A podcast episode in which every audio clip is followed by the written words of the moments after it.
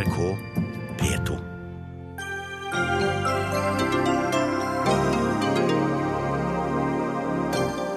Norske spesialstyrker skal trene opp lokale syriske styrker til å bekjempe terrorgruppa IS.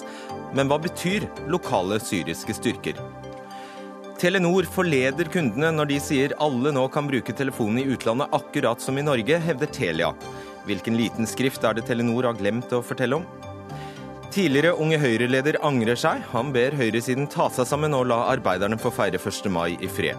Endelig, sier Rød Ungdom. Merkelig, kommer det fra FPU. Forsvarssjefen grep inn og endret utstilling på Hjemmefrontmuseet etter klager fra Polens ambassadør. Er det som om kulturministeren begynte å legge seg opp i Nasjonalmuseets utstillinger? Og er det frekkhetens nådegave å tilby givere i frikirkemenigheter bank banklån for å kunne gi bidrag som monner? Ja, mener Forbrukerrådet. Nei, svarer Philadelphia.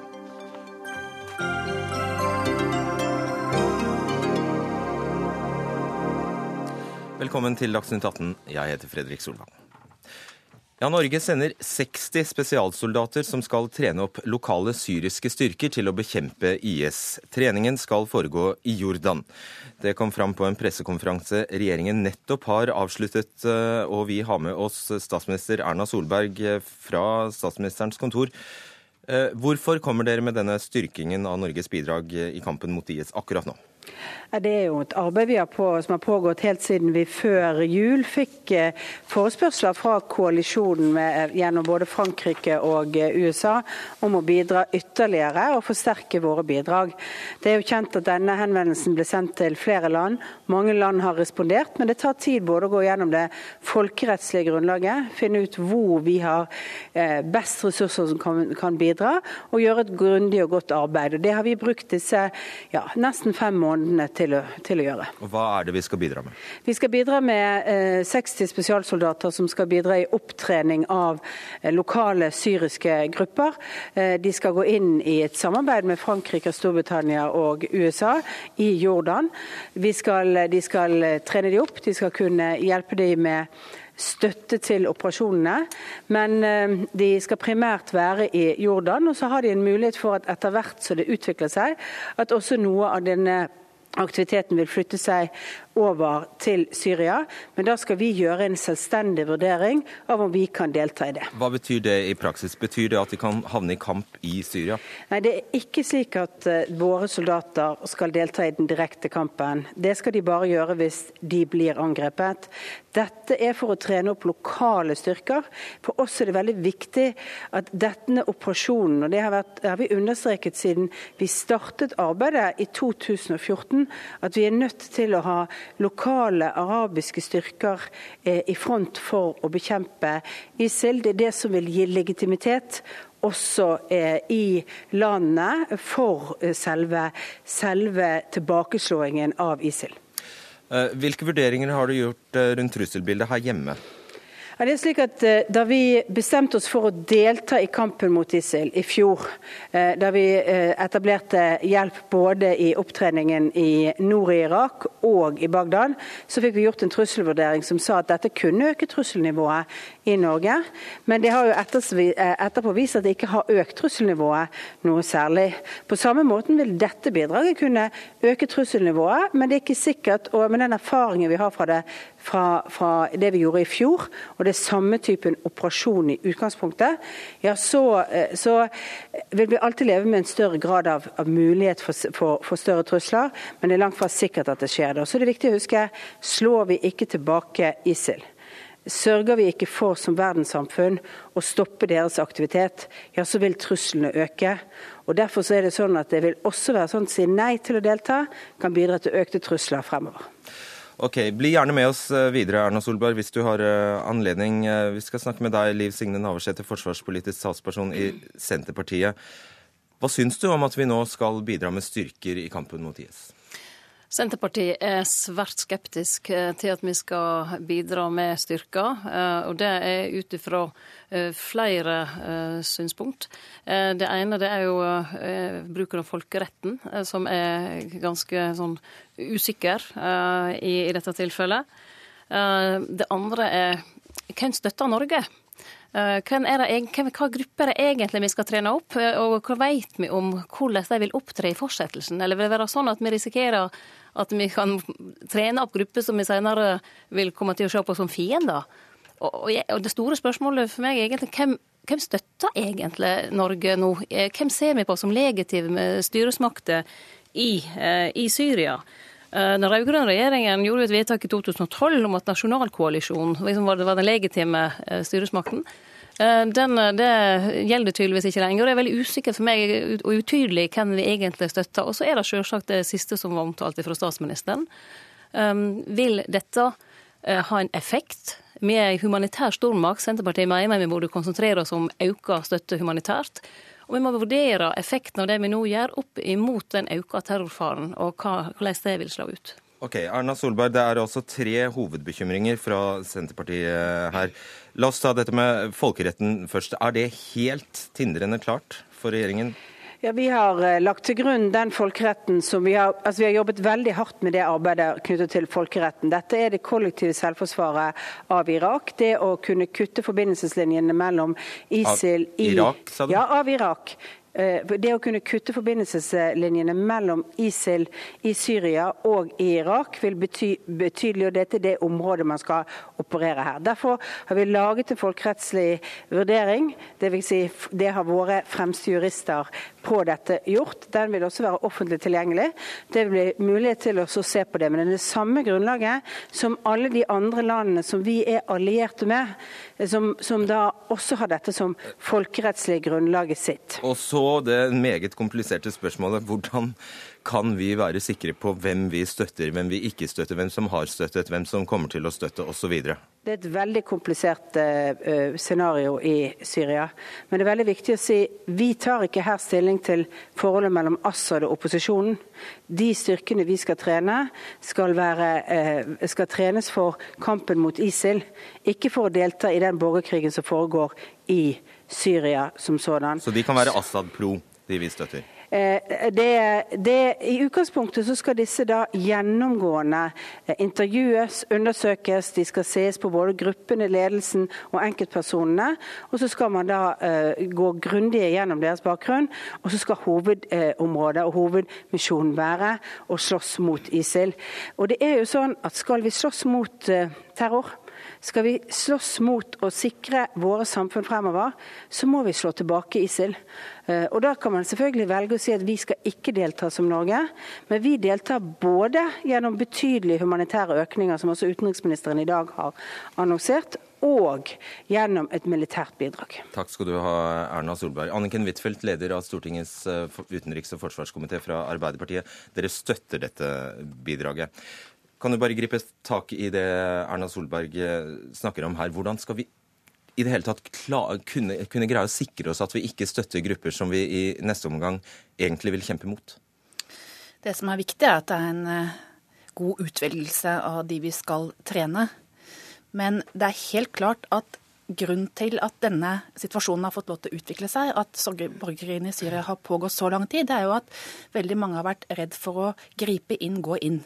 Slik at det har vært veldig mange grunner til at hele den vestlige verden egentlig har stått på utsiden av denne konflikten, og det har blitt en katastrofe.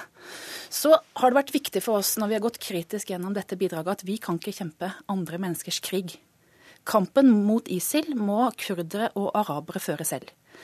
Derfor så yter vi i dag en innsats for trening av kurdiske styrker i nordlige delen av Irak, og det er noe av det samme bidraget vi skal yte her. Vi skal ikke inn og kjempe i denne borgerkrigen. Men blir ikke det er veldig skinnhellig hvis altså fienden er veldig klar over at bak det kompaniet som da, i, som da går i front, så står det nordmenn og peker ut målene?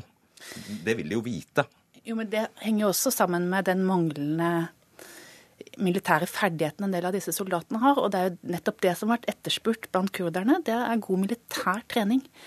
Fordi at vi kan ikke gå inn og kjempe krigen for andre. I Afghanistan i dag så driver vi tilsvarende trening der eh, Og der er vi med ute på, ut på skarpe oppdrag? Ja, men hovedhensikten med vårt oppdrag der, det er jo å trene sikkerhetspolitiet i Afghanistan. Slik at det er mange dilemmaer knyttet til dette. Og vi har allerede hatt norske soldater i Bagdad. De tok vi hjem. Vi har bedre erfaringer i Erbil. Og det er slik at det er jo mange motargumenter mot dette. Men jeg vil understreke, som statsministeren sier også, at det å ikke ville bidra fordi det er en del risiko, det er jo forbundet med en stor risiko for at ISIL får vokse seg sterkere. Og det har vært også avgjørende for eh, vårt syn i denne saken. Ble det klarere for deg nå hva disse styrkene faktisk skal og ikke skal? Nei, jeg kan ikke si det. Eh, og årsaken til at eh, en ikke har gått inn i Syria, er jo nettopp erfaringene fra Irak og Libya. Ikke sant? Derfor USA har sagt at uh, dette gjør vi ikke mer. For uh, en har jo ikke altså Ja, det er katastrofe i Syria, men det er jo katastrofe i Libya òg. Der har vi jo vært inne vitterlig, og Norge har deltatt iherdig. Og soldatene har gjort en god jobb ut ifra det oppdraget de, de fikk. men men, men, det var jo ikke noe suksess, det som kom etter eh, den interveneringen. Men du er for å stoppe IS? Men vi er jo alle for å stoppe IS. Og, vi, og, vi, og, vi støtter, og, vi, støtter, opp om eh, våre allierte. Norge har stilt opp, men det er ikke mange måneder siden forsvarssjefen sa at vi er på altfor mange plasser. Vi bruker altfor mye ressurser på utenlandsoppdrag. Vi har en helt ny sikkerhetspolitisk situasjon her hjemme. Eh, og tidligere forsvarssjef Disen sa vel i Dagbladet for et par uker siden at nå er Forsvaret i ferd med å bryte sammen. Så det er òg et element opp i dette. Men det jeg først og fremst mener er ille, at en har bestemt dette nå, det er all usikkerheten kring hvem skal vi støtte, hva kommer Vi har jo ingen strategi for det, og jeg hører statsministeren si at i et trinn to skulle òg norske styrker følge med inn i Syria. Det vil i så fall bety at vi deltar i bakkestyrker eh, i, i, Syria. Så her er en ganske uoversiktlig situasjon eh, som eh, jeg vil advare sterkt imot. Ta det veldig kort til slutt, Huitfeldt. Hun sa jo det, statsministeren, at det kan bli aktuelt å gå, faktisk gå inn i Syria. Da, da er det vanskelig å bare være defensiv. Da vil i tilfelle regjeringen måtte komme tilbake til Stortinget og konsultere.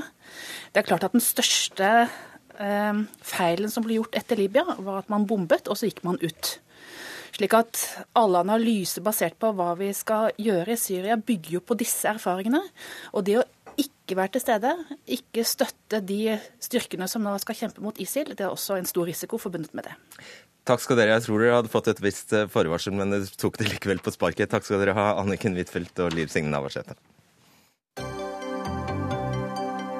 Dagsnytt 18 alle hverdager kl 18.00 på NRK P2 og NRK2.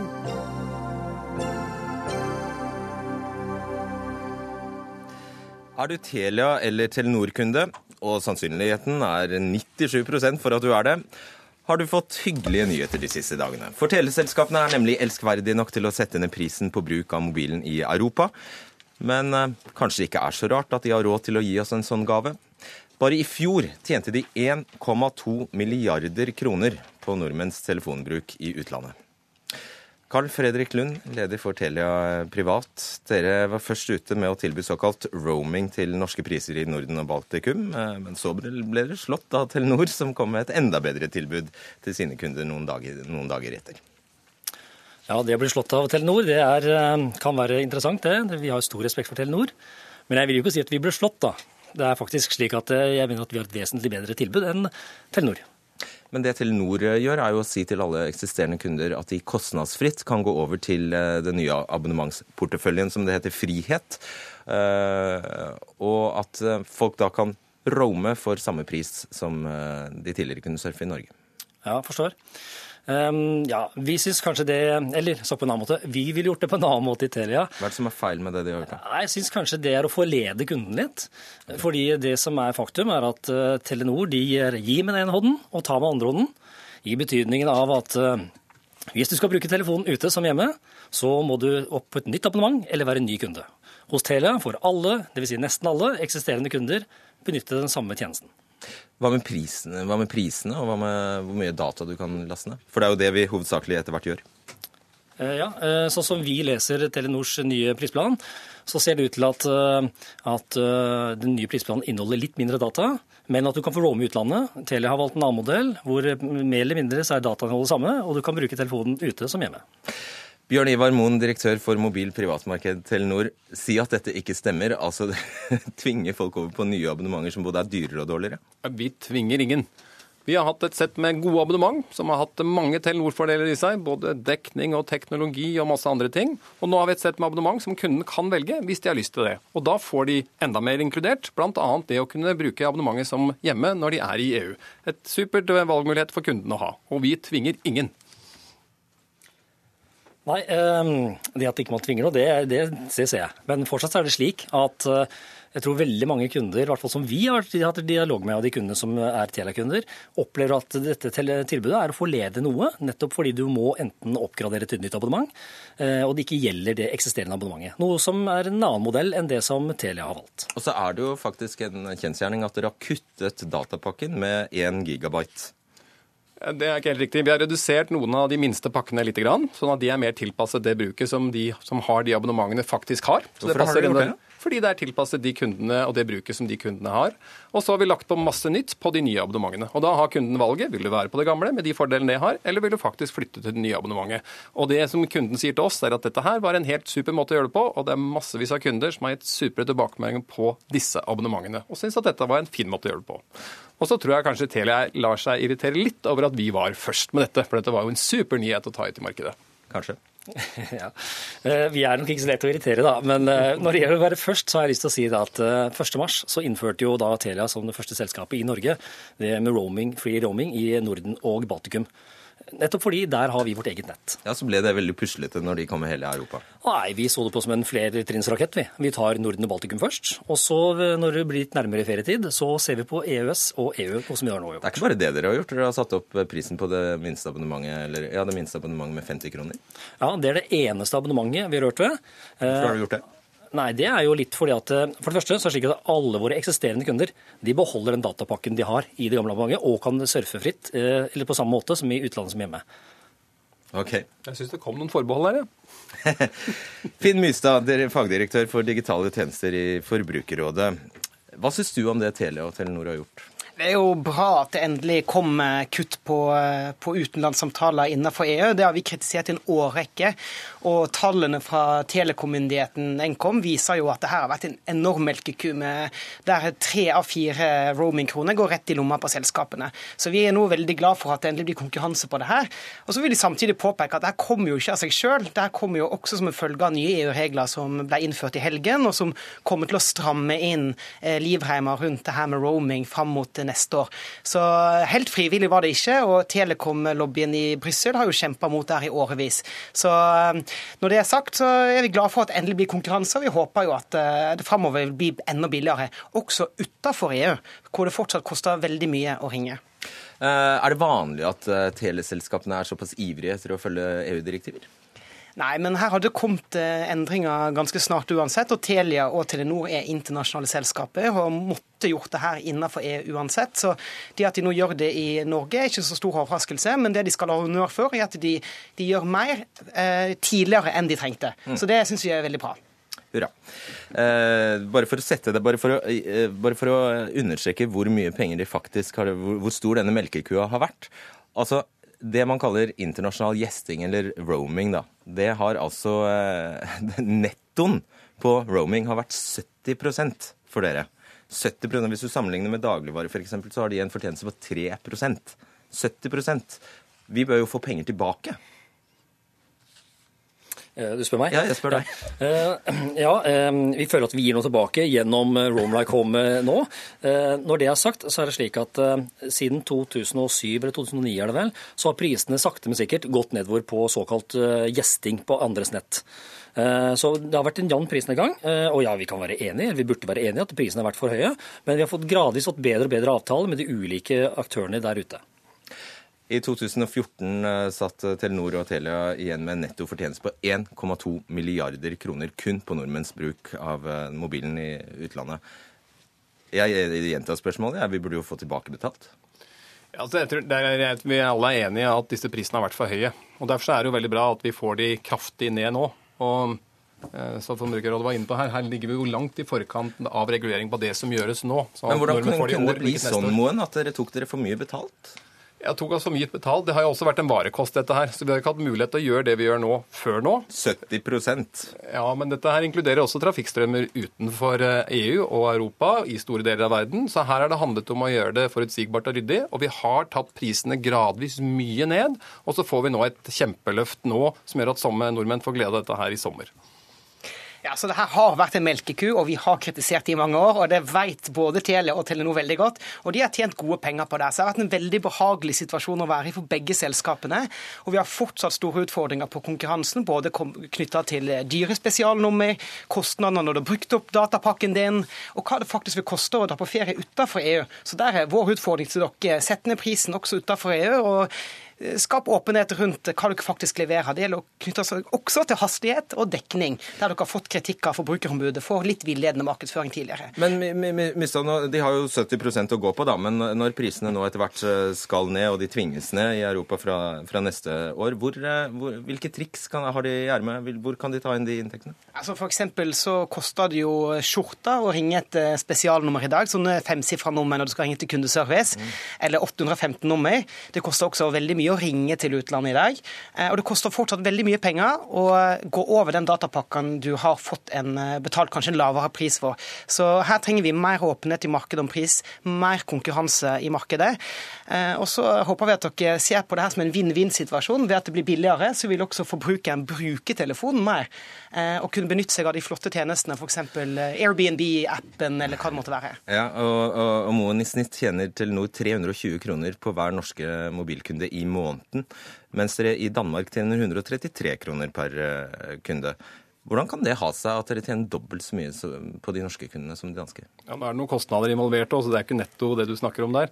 Men det er åpenbart en ganske stor forskjell på å bygge et mobilnett i Danmark, som er ganske flatt og ikke kjempesvært, dobbelt så mye. og hvordan det er å bygge et mobilnett i Norge med masse fjorder og spredt befolkning, som er, eh, og nordmenn har gode og høye krav til dekning. Det samme gjelder faktisk dere. Ja, og eh, svaret blir nøyaktig det samme som Moen. Det er et flatt land hvor du trenger én flaggstang, kontra det kuperte Norge, det, det, gir litt andre ting. Snakker de helt sant? Her tror jeg eh, mer konkurranse ville hjulpet veldig mye. En prisportal for telepriser f.eks. hadde gjort mye. Og eh, flere mobilnett i Norge tror jeg også ville hjulpet på konkurransen. Men, men, vi må ikke gå i fella at vi tror at det eneste som teller for en mobilkunde, er lav pris. De, de sier faktisk til oss at det er flere ting de vil ha inkludert òg. Så det er det ene poenget. Det andre er jo at det at vi nå har gått ut med den nyheten nå, det viser viser jo at konkurransen fungerer. Fordi det skjedde jo masse i markedet etter at vi gikk ut først med dette her. Så kom de andre hoppende etter en etter en. Det viser at konkurransen ja. fungerer. Og dere to har 97% av markedet. Takk skal dere ha, Carl Fredrik Lund, Bjørn Ivar Moen og Finn Myrstad.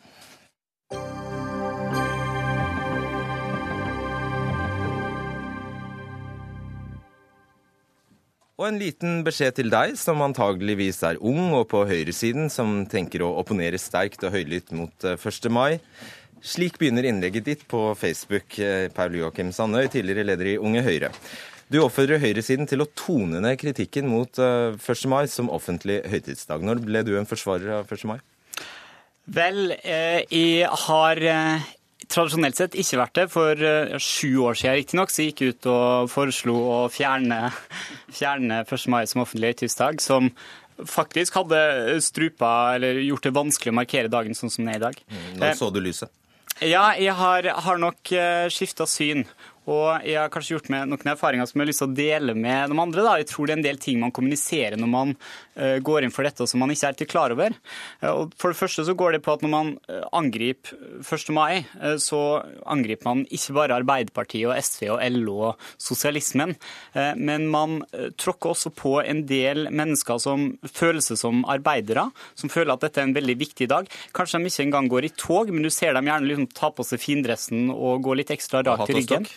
Ja, nettopp. Eh, på vei til frokost, f.eks. Eh, den andre du kanskje tråkker på, er eh, du, hvert fall du blir oppfatta som om du angriper en del grunnleggende arbeidstakerrettigheter som har gjort Norge til et bedre sted, og som høyresida tradisjonelt sett er veldig opptatt av å fortelle at man har vært med på å utvikle. Og jeg tror at de to blindsonene er man ikke helt klar over. Ja, så alt dette har du innsett at du har holdt på med? Ja, jeg, innser, jeg, blir i hvert fall litt flau når jeg ser intervjuet med meg sjøl for sju år siden, og så håper jeg kanskje da at uh, neste generasjon kan lære av mine feil. Line Lise Øen Mælen, leder i Rød Ungdom.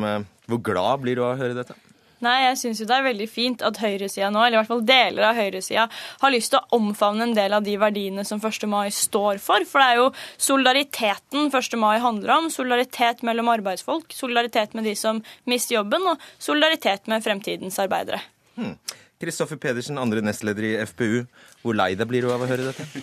Nei, altså, man pleier å si at det er to sikre vårtegn i dette landet her. og Det er det at vi i FPU går ut mot 1. mai, og så er det de som sier at det er historieløst fra vår, fra vår side. Eh, men når man tenker liksom de historiske aspektene, da.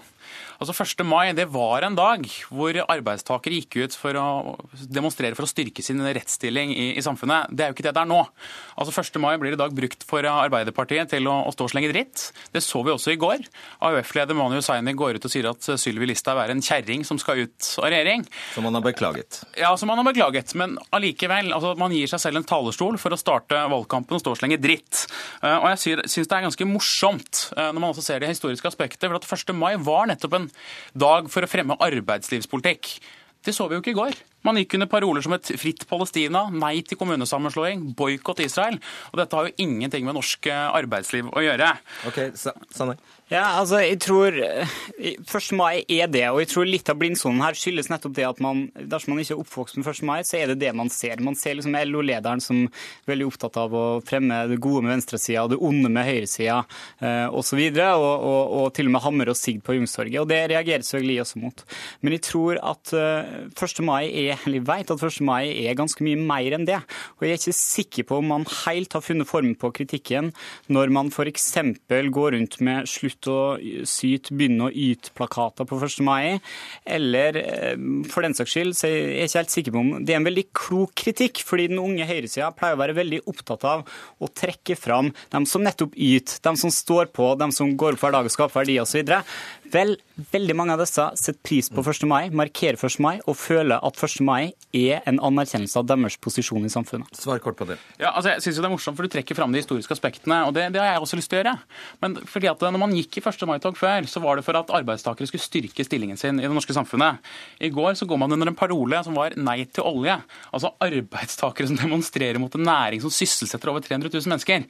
Eh, bare det understreker poenget om at 1. mai har utspilt sin rolle. Det tror jeg Melen skal få svare på. Ja, var vel strengt tatt 100 000 nye klimajobber nå som var parola, og det er jo mer framtidsretta for en grønn industri. Men, men, men, det var også men, fritt Palestina og boikott ja, Israel. Men det er jo også verdier som har vært viktige for arbeiderbevegelsen. For 1. mai er først og fremst den politiske arbeiderbevegelsens dag. Internasjonal sådan. Internasjonal sådan, og da er kampen for internasjonal solidaritet viktig for arbeiderbevegelsen. Man vet jo f.eks. at LO har startet en helt egen folkehjelp, altså Norsk Folkehjelp som driver med solidaritetsarbeid. Men jeg skal gi dere i Frp og FPU et lite, et lite, tips. For hvis dere føler dere ekskludert på 1. mai, og vil at dere skal bli inkludert på 1. mai, ja, da må dere slutte å, å gå løs på arbeidsmiljøloven. Da må dere slutte å stenge grensene for flyktninger, samtidig som dere lar arbeidslivsmafiaen få fly flyt over Svinesund. Og så må dere slutte å si som Sylvi Listhaug sa, at 1. mai er en fin dag for raking. For da tråkker man på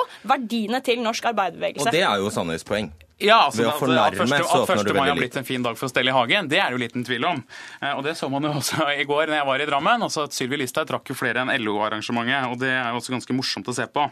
Men så er det sånn, fra Rødt, da. altså Uansett, eh, vi kan godt diskutere arbeidsmarkedstiltak, men uansett om det er Frp eller om det er SV som sitter i regjering, så er det aldri bra nok for dere. Eh, så men i forhold til 1. mai, altså bruk dagen på å diskutere arbeidslivspolitikk. Eh, for hvis dere gjør det, og faktisk bruker dagen på å diskutere reell rettighetsstilling i arbeidsmarkedet kontra å si liksom boikott Israel, som ikke har noen ting med norsk arbeidslivspolitikk å gjøre, ja, da gjør kanskje vi i FPU sånn som Per Joakim Sanne her, og dementerer egne uttalelser om fem til ti år. Du, bare, uh, hvor mange av dere gikk i tog i går? Jeg. Gikk ikke. Og jeg tror liksom det er litt poenget her også, at man trenger ikke å omfavne 1. mai eller arbeiderbevegelsen eller adoptere synet til venstresida heller. Men det som er spørsmålet er hvordan høyresida skal forholde seg til 1. mai. Og da tror jeg et godt utgangspunkt er å behandle det med respekt. Og i hvert fall for veldig mange som ser på dette som en av årets viktigste dager. Så kan man like det eller ikke, eh, men det er ganske mange av dem. Ja, jeg vil jo bare si at Nå trekker dere jo fram et fåtall av parolene her. For det er ikke sant. Jeg som faktisk gikk i 1. mai-toget i går, så et masse arbeidslivsrelaterte paroler. Og en av de tingene da, som man f.eks. tråkker litt på når man står med paroler der det står 'slutt å syte, begynn å yte', samtidig som vi har nå en hotell- og restaurantstreik, der de som streiker er noen av de dårligst betalte i landet, så kan det være litt sånn krenkende for de da. Og det er jo det dette handler om. Det er jo solidaritet, og det klarer ikke dere å utvise, da. Og jeg mener også at det er masse masse gode arbeidslivstiltak man må kjempe for, særlig når dere sitter i regjering. Kan du medgi at Sandøy har et poeng i at det jo ikke kan være noe poeng å tråkke på hedersmenn og hederskvinner som faktisk aldri har vært noe annet enn en eh, staute arbeidsmennesker? Nei, og det er ikke det som er poenget her heller. Men det vi har sagt hele veien, det er at eh, vi ønsker ikke at 1. mai skal være en tvungen uh, fridag. De som har lyst til å gå i tog, skal selvfølgelig få lov til det. Men det vi har sagt er at ok, la oss heller finne en dag i mai, da. 8. mai. Og bruke hele tiden på å hedre de som falt under krigen. Og så får vi legge fra oss disse partipolitiske parolene og heller bruke tid på å hedre de som falt under krigen. Det mente du i hvert fall før. Ja, men 8. mai det er jo en avsporing. Det vet vi har brukt det, den avsporinga sjøl. Det eh, er jo ikke det det handler om. Vi kan godt være enige om at det hadde vært en fornuftig høytidsdag, men spørsmålet her er hvordan vi skal forholde oss til 1. mai. Og jeg tror kanskje at ja, når man i hvert fall hører om at man også kanskje gir disse signalene, da, så kan man i hvert fall ta med det i en helhetsvurdering av hvordan man ønsker å fremstå, og hvilke kamper man ønsker å prioritere. Forfriskende. Takk skal dere ha, Kristoffer Pedersen, um, Paul Joakim Sandøy og Line Lise Ørnmen.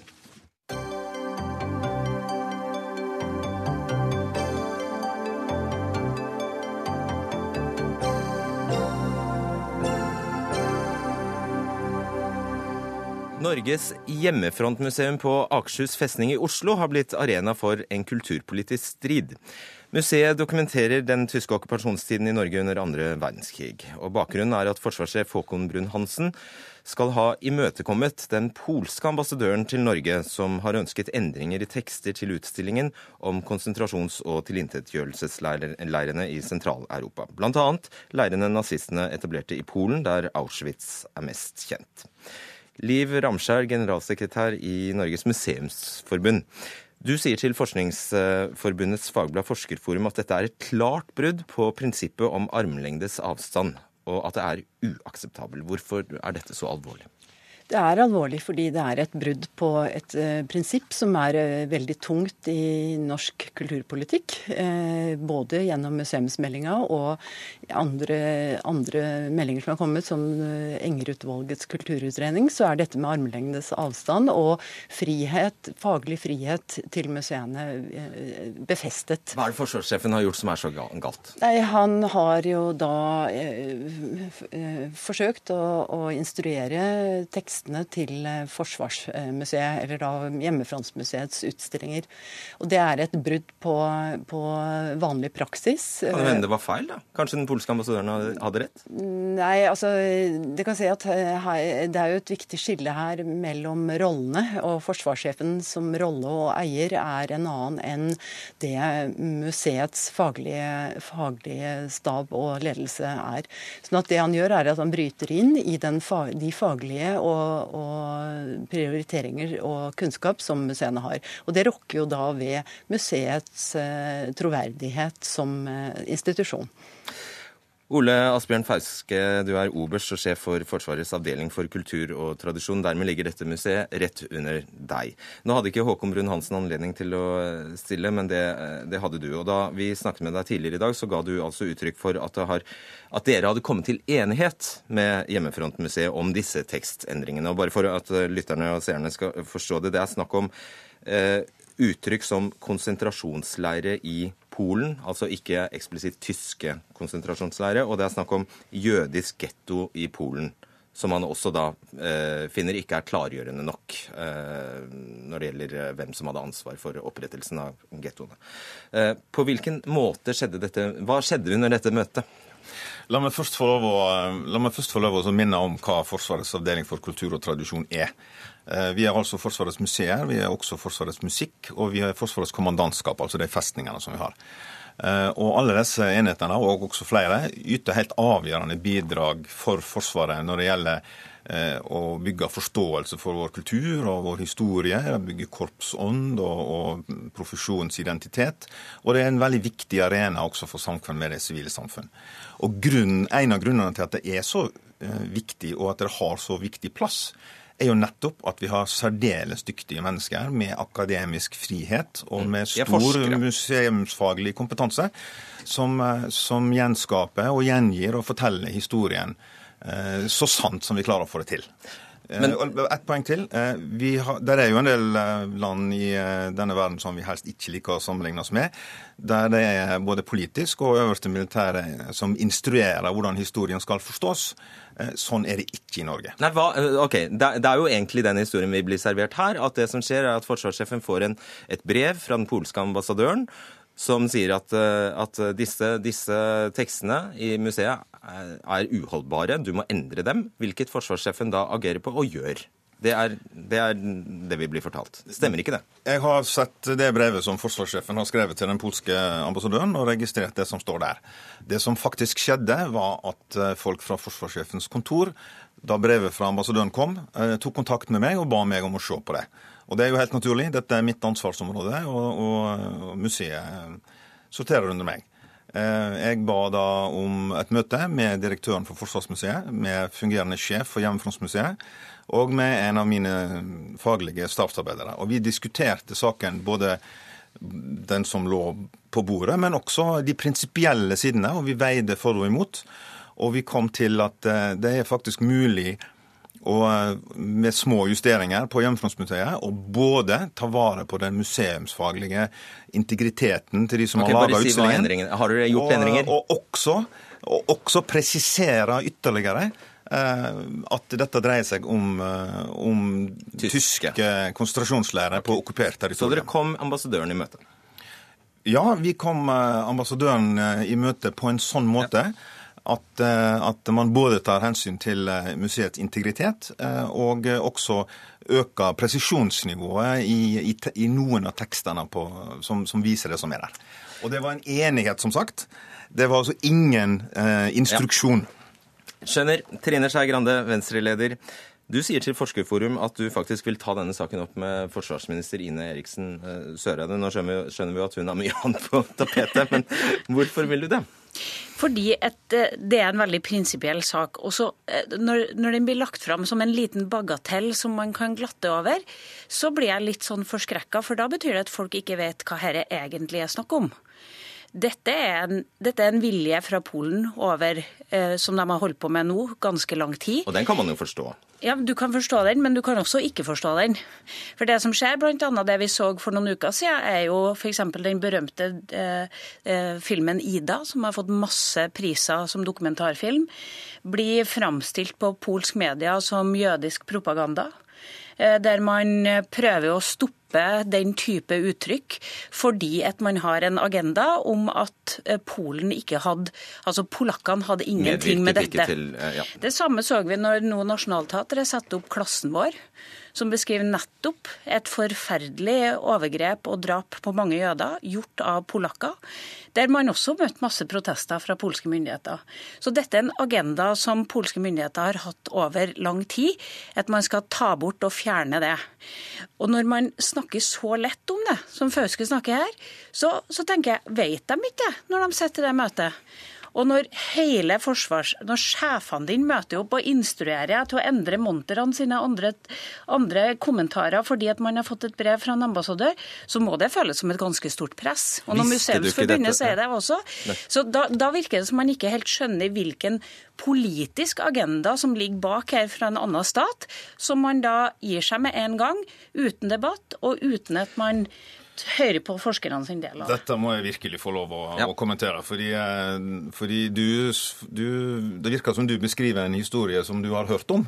Eh, Men det var jo faktisk jeg som leder det møtet, så jeg vet hva som foregikk der. Og vi diskuterte prinsipielle sider.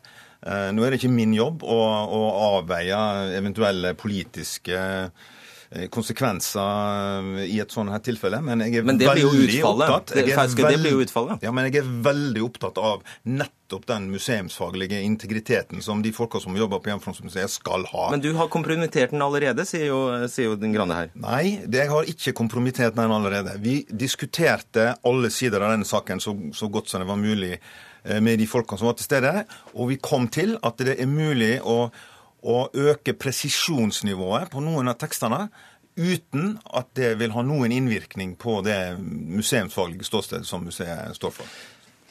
Ja, eh, eh, I svarbrevet fra Ivar Kragven, jeg har også sett på disse brevene, så er han veldig tydelig på at de polske forholdene eh, omtales på samme måte som en konsentrasjonsleir i Norge. Og at det ikke er noe forskjell i det. Og jeg må si jeg blir ganske bekymret når jeg har sett da det polske brevet, hvor ambassadøren skriver at I hope you agree with me in this matter, and I count on your support in effectuating the replacement of the exhibition panels, which contain these imprecise formulations as soon as possible.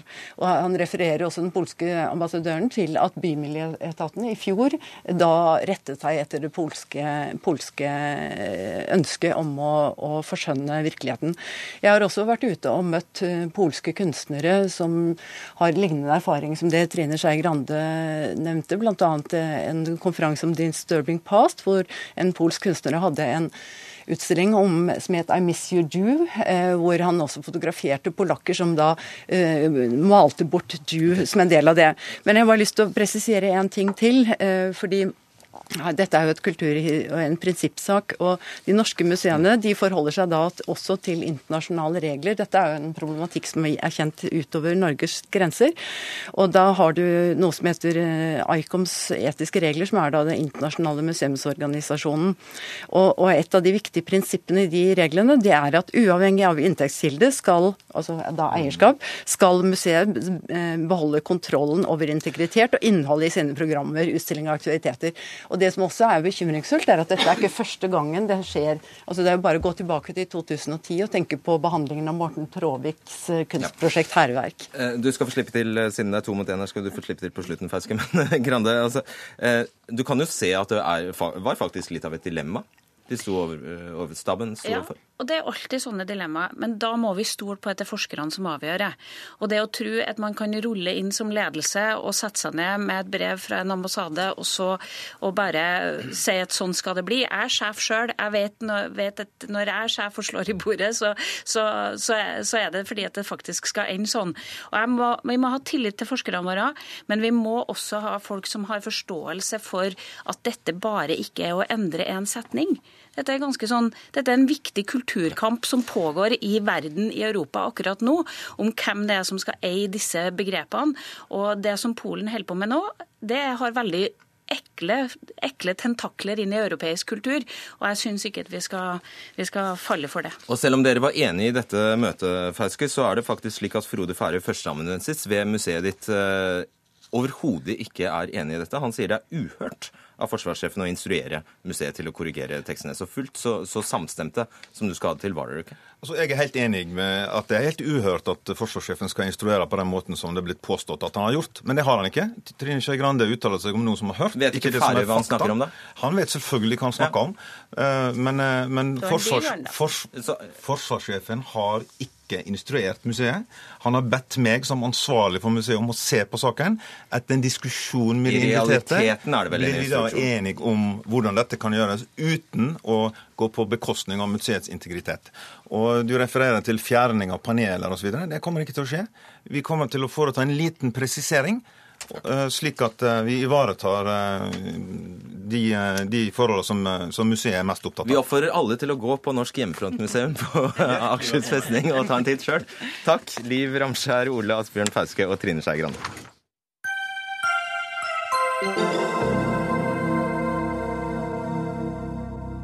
I tobakksskadeloven fra 2013 heter det at skap eller skuffer med tobakk, herunder snuskjøleskap, ikke kan merkes med angivelse av tobakk eller snus på en slik måte at det er synlig for butikkens kunder. Men likevel er det fortsatt mange butikker som har ordene tobakk og snus på grå skap hvor røykpakkene og snusen ligger.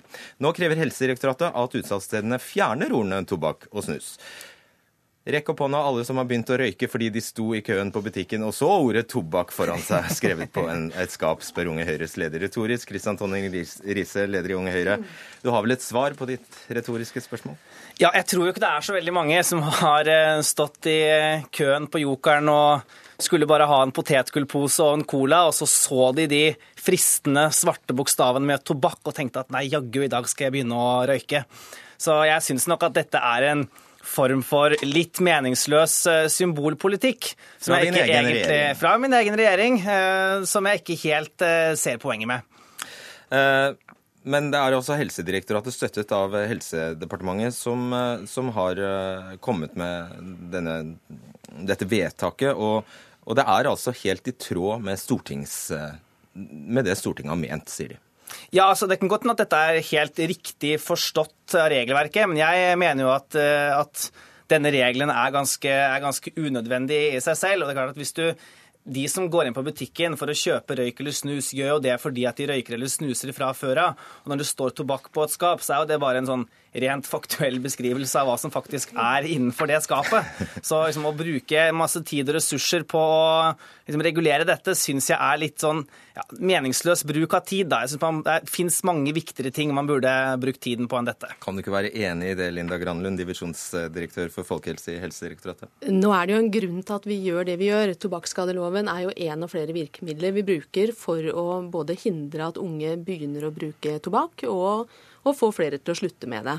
Men sånn tror du at, noen, som Tonning Riise sier her, faktisk får lyst til å ta seg en røyk eller begynne å røyke fordi de ser ordet tobakk? Eh, jeg tror vel ikke det, men vi veit at eh, mange blir påvirka da av, eh, av det de ser. Og vi tror at når unge ser ordene tobakk og snus, så vil det være med også å normalisere det. Sånn at dette er et brudd på, på reklameforbudet. Så vi ser på dette som ett av flere virkemidler. Jeg tror ikke dette har noen stor effekt den ene eller den andre veien. Men man kan jo risikere at dette har en sånn smått negativ effekt også. At dette blir litt sånn noe hemmelig. Noe litt sånn eh, Hva er det egentlig som skjuler seg bak disse grå skapene? Og du kan jo, kan jo se for deg at butikkene kan bli spennende når de skal begynne å lage litt sånne kreative merkelapper som ikke inneholder tobakk, røyk eller snus. Kanskje du liksom skulle skrive sånn Voldemort på alle disse her eh, grå skapene. Så kan det sånn Det som ikke skal nevnes, ja, men nå vi, vi, ser jo på dette som altså Som jeg sa, unge påvirkes av det, og det blir en normalisering. Og vi vil jo hindre at unge begynner med tobakk. Har du forskning som uh, ja, underbygger at ungdom påvirkes av et, C2? Det er en rapport utgitt av Sirus uh, som, som, sier at dette har en effekt. sånn at det, dette er jo ett av flere virkemidler vi bruker. Og I tillegg så vet vi at de som da har slutta å bruke snus og, og røyk, de sier at det, det er ikke noe vits i å bli minna på det når de står i køa på Eh, eh, på butikken. Men dette, sånn at, ja, altså Virke anslo i sin tid at innføring av dette synlighetsforbudet i sin, eh, mm. var nærmere en halv milliard kroner. Nå får butikkene, altså 8200 utsalgssteder, får enda et påbud. Nå må de enten bytte skapene eller fjerne bokstavene. Eller? Dette har jo blitt innført fra, eller begynt å virke fra 2013, så vi håper jo ikke at alle butikkene fortsatt har unngått å følge loven. Så såpass mange er det ikke som trenger å gjøre noe, og jeg tror ikke det koster så veldig mye. Vi må huske på at eh, tobakk er en av de mest eh, helsefarlige tingene vi, vi gjør, holder på med, sånn at det har stor effekt på folk folkehelsa dersom vi får flere til å slutte å røyke og færre til å begynne. For å snu på det, altså, det, er jo ikke lov, kan, det er jo ingen selvbetjening eh, lenger, så du må jo faktisk be om å eh, få tobakk eller, eller, snus. Eh, så da, altså, hva er da poenget med å skrive? Altså, Betjeningen vet vel hvilket skap de skal gå i? Ja, altså, poenget er at det er jo, Jeg syns dette området her er litt sånn tullete å blande seg borti i det hele tatt. For jeg synes ikke at, jeg tror ikke det er om det står tobakk eller ikke på et skap som gjør om folk slutter å røyke. Det jeg tror er mye bedre å bruke tiden på, er å gi, eh, gi god produktinformasjon og drive god offentlig opplysning om, eh, om helseskadene ved, ved, røyk og andre tobakksvarer. Og Det syns jeg er en mye mer, mer, fornuftig tilnærming enn å bruke tid på det jeg oppfatter som en litt sånn, eh, litt sånn symbolpolitikk, som, eh, som, handler mer om å jeg vet ikke, sende et signal, liksom ta røykerne, mer enn det handler om å, å drive forebyggende arbeid. Jeg tror ikke dette har så stor effekt. og eksponeringen for, eh, for, tobakksprodukter skjer jo ikke primært i samfunnet ved at man, skjer, at man ser tobakk på et skap. Det, det skjer jo i eh, vennegjengen hvor andre røyker. Det skjer ved at det ligger en eh, røykpakke eller en snuspakning på, på bordet. Så jeg, jeg, ser ikke det helt store poenget med dette, og syns kanskje at butikkene skulle vært spart for den kostnaden det er ved å drive og, og, disse skapene. Men som jeg har sagt tidligere, Dette er jo ett av flere tiltak vi har for å, for å hindre at eh, flere unge begynner å røyke. Sånn at eh, dette vil ikke være en veldig stor belastning for butikkene å fjerne enkle skilt hvor det står noe åpenbart betjeningen veit hva befinner seg bak disse skapene. Okay. Så hvis dette kan gjøre at noen flere unge eh, vurderer at de ikke vil begynne å røyke eh, allikevel, så er det verdt de pengene. Og nå vet alle unge som eh, hører og ser på Dagsnytt 18 hva som skjuler seg bak de grå skapene, i hvert fall. Linda Granlund og Kristian Tonning Riise, takk. Hør Dagsnytt 18 når du vil. Radio NRK Radio.nrk.no.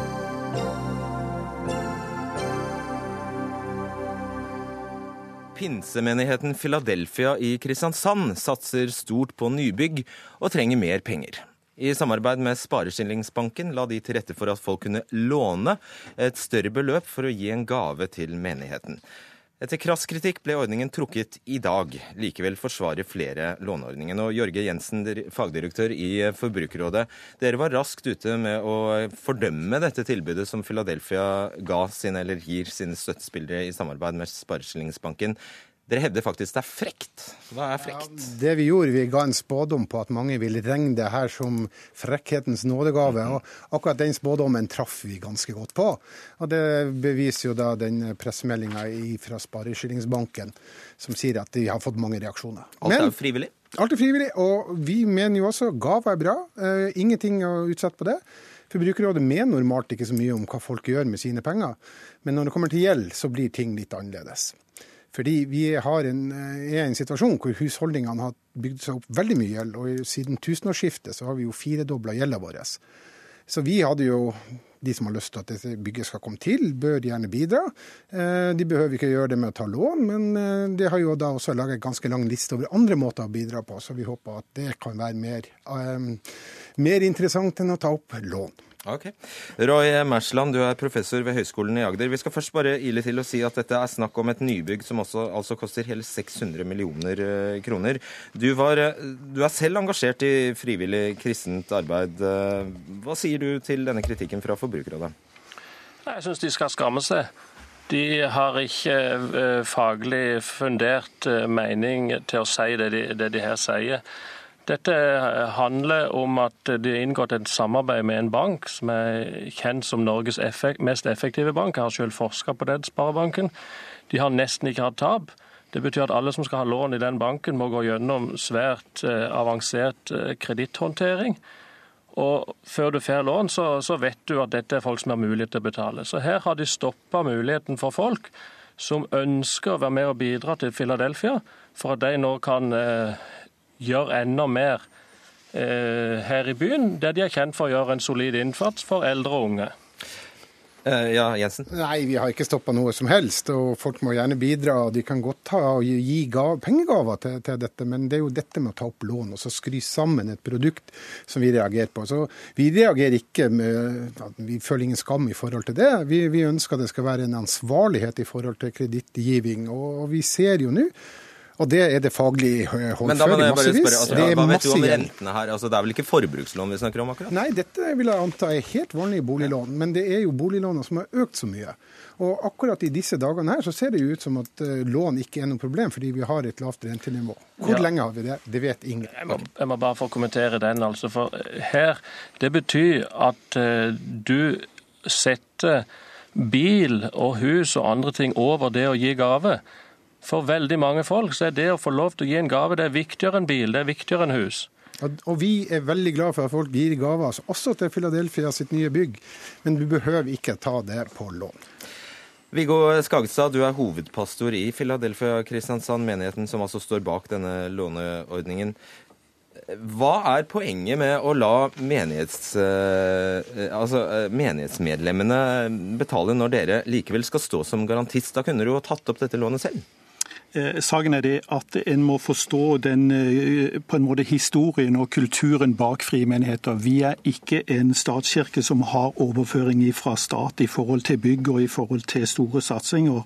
Og vi eh, lever i en kultur og kommer ut av en kultur der det og at enkeltmedlem er med og bærer ansvar, er med og har tro for at vi skal reise et bygg og kan prege fremtida og gjøre noe, det er noe av kulturen. Men er det en kultur å, ta, å be folk ta opp 250 000 kroner? Ja, nå har vi ikke bare sagt 250. Vi har eh, satt noen forslag til størrelser som sånn sett banken må avgjøre hvor stort det skal være. fordi at det er banken som skal foreta kredittvurderingen. Men samtidig så, så, er det eh, på en måte noe av historien vår. Der, der vi liksom Dette har vært noe av det vi har gjort gjennom flere år. Ok, men spør, Da spør jeg på nytt. Hvorfor kan ikke dere like gjerne ta opp dette lånet?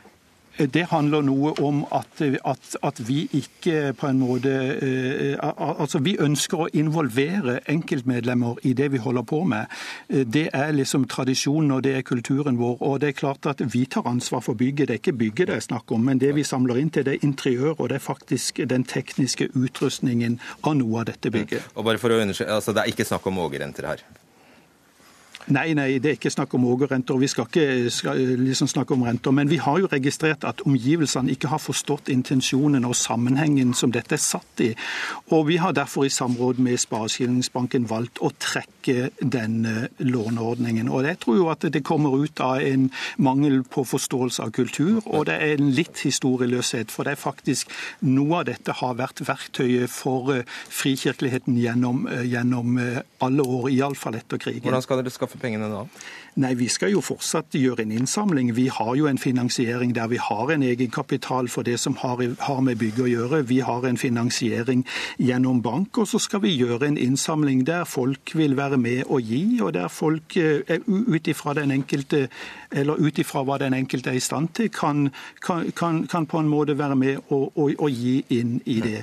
Men vi som menighet har aldri hatt til hensikt å legge press på våre medlemmer til å gi gaver. og Heller har vi ikke, tror jeg, registrert at våre medlemmer har tilkjennegitt eh, dette. Sannheten er jo det at vi jobber ofte med mennesker som sliter, mennesker som har strevd med livet, der vi møter mennesker som kan være gjeldsslaver. Og det vi ofte opplever, er at vi kan være en rådgiver faktisk i å kunne sanere gjeld, faktisk i å kunne få avtaler med bank og andre kredittinstitusjoner. Så, så, de som står oss nær, de klarer ikke å gjenkjenne oss i en rolle der vi pålegger og lurer folk ut på glattisen i forhold til å skulle gjøre en finansiering. Og Til syvende og sist så er det jo banken som skulle vært en kontrollør i at dette ble, eh, ble på en måte riktig og liksom gikk riktig for seg. Ja. Uh, Jensen, har du latt dere påvirke av at det her er snakk om en menighet? Har det spilt Eh, har det spilt noen rolle? Nei, det tror jeg ikke. Men vi har jo en stor forsiktighet i forhold til det med gjeldsopptak. Jeg eh, kjenner meg ikke så veldig godt igjen i at vi ikke har skjønt historien her. Det tror jeg vi har. Eh, men, eh, og vi har jo heller aldri ment at noen har blitt lurt, men vi syns jo dette setupet med å ha et lån som eh, da skulle gå til menigheter, og det ble da markedsført med 250 000, 100 000 eller 50 000, det er relativt store beløp. Men igjen, folk må bidra, gjerne bidra. Jeg syns det er veldig bra at folk bidrar, at du skaffer det engasjementet, men trenger du å gjøre dette i form av lån? Men Jensen, har du noen eksempler på at eh, Sparekildsbanken har ødsla rundt lån i hytte og vær her i Kristiansandsområdet til folk som ikke burde ta lån? Du må gå inn og se hvilken type bank dette er. Og jeg mener at banken burde her komme på banen igjen sammen med Philadelphia eller en annen bank. Dette er et veldig godt opplegg som finnes i all sin tid i Norge og i andre sammenhenger. Så, så, så dette bør jeg anbefale at det ikke blir trukken. Ja, det, er, det, er, jo en beslutning som verken Forbrukerrådet eller eh, universitetsmiljøet treffer. Men eh, det korresponderer ikke særlig godt med de signalene vi har fått fra andre deler av Kristen-Norge om at man syr sammen låne, en lånepakke. Og den vurderinga vi har gjort, som selvsagt ikke er fullstendig eller komplett, tilsier at dette er relativt enestående. Nå må du svare kort, eh, Skagestad. Det er, vel en, det er vel sånn at det kan være vanskeligere å si nei til en menighet du faktisk er medlem av, enn noen som ber om penger på gata, f.eks.? Ja, Det er jo to vidt forskjellige ting, men samtidig som jeg har sagt tidligere, at vi har ikke til hensikt å presse noen ellers til å skulle gi gaver. Heller har vi ikke registrert at noen av våre medlemmer har tilkjennegitt dette. Hvor mye har, ja, ja, okay. dere samlet hvor mye, Du sier at dere har samlet inn. Hvor mye har ja, dere altså, samlet inn? Dette er jo et løp som, som skal gå fram til 25.9, så det blir jo omtrent som å spørre en som skal løpe 10 000 meter, hvor fort har du løpt nå etter, liksom etter første runde. Så det føler jeg var et ganske, ganske krevende spørsmål å svare på. Altså, Dette er noe vi gjør mot menighetens medlemmer, og dette er noe vi, som er vår tradisjon. Og så har vi registrert at det er krevende når dette skal kommuniseres ut i det offentlige rom. Og da blir det debatt i Dagsnytt 18. Tusen takk skal dere ha, Jorge Jensen, Roy Mersland og Viggo Skagestad, for denne Dagsnytt 18-sendingen er nemlig over. Det var Ida Tune Øresland som hadde ansvaret. Teknisk ansvarlig var Lisbeth Seldreite, og jeg heter Fredrik Solvang.